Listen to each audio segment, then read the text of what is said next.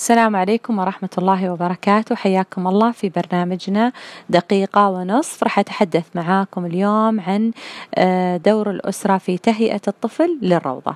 انتقال الطفل إلى مرحلة الالتحاق بالروضة يعد حدث انتقالي في حياة الطفل. يتطلب أن يعد له إعدادا جيدا كما يعتبر مرحلة فطام ثانية في حياته. قبل المدرسة يعيش في البيت الذي يمثل له البيئة الآمنة فيرى نفسه مركز الاهتمام كما أنه يكون ملاصقا لأمه أغلب الوقت. فجأة تتغير حياته يجد نفسه بدون والديه في مكان غريب مع أشخاص لم يلتقي بهم من قبل أصعب شعور يشعر به الطفل هو الشعور بعدم الأمان. أصبح مسؤول عن تصرفاته وسلوكه ومطالب باتباع قوانين ربما لم تفرض عليه من قبل أثناء وجوده في المنزل. ينبغي أن. أن تعتني الأسرة بإعداد الطفل إعدادا جيدا قبل أن يلتحق بالروضة هذا يساعد كثيرا في تأقلم الطفل ونجاحه في ممارسة الأنشطة التعليمية والترفيهية أول حاجة نساعد الطفل فيها اللي هي الاستقلالية دوري أنا كأسرة تعويد الطفل على تعليمه على كيفية أن يرتدي ملابسه ويخلعها تعليمه كيف يغسل يديه ووجهه تدريبه على الأكل بطريقة صحيحة تدريبه على استخدام دورة المياه بنفسه تدريبه على ترتيب أدواته. أيضا من الأشياء المهمة التي يجب أن تلتفت إليها الأسرة وتنتبه إليها اللي هي المهارات اللغوية. تشجيع الطفل على الحديث وإبداء الرأي وضع صور أمام الطفل ليعلق عليها.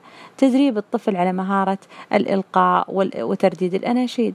تشجيعه على إعادة سرد قصة استمع إليها. تحفيظه قصار الصور. وأيضا من المهارات الجيدة اللي هي المهارات الاجتماعية. تعليم طريقة إلقاء التحية. تشجيعه على الابتسامة. أنا سأدخل إلى روضتك وأنا مبتسمة. كيف ستبتسم لمعلمتك وأصدقائك؟ تعليمه آداب الاستئذان. تنمية قدرته على بناء الصداقات.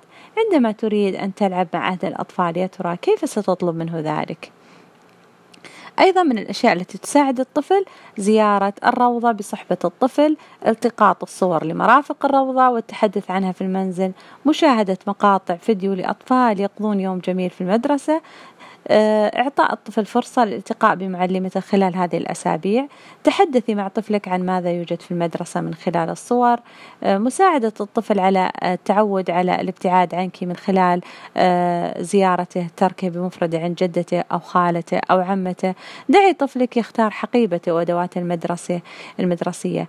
اجعلي لوداعك شكلا خاصا. ممكن بالاتفاق مع الطفل عندما أريد أن تودي أريد توديعك في المدرسة. سأرسل لك عشر قبلات في الهواء. سأحتضنك عشرة أحضان.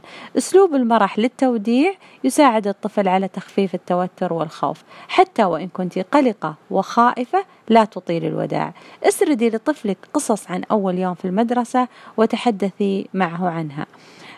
شاكرة لحسن استماعكم وأتمنى أن أكون في هذه الدقائق القليلة. أكون أفدتكم عن كيفية تهيئة الطفل للروضة.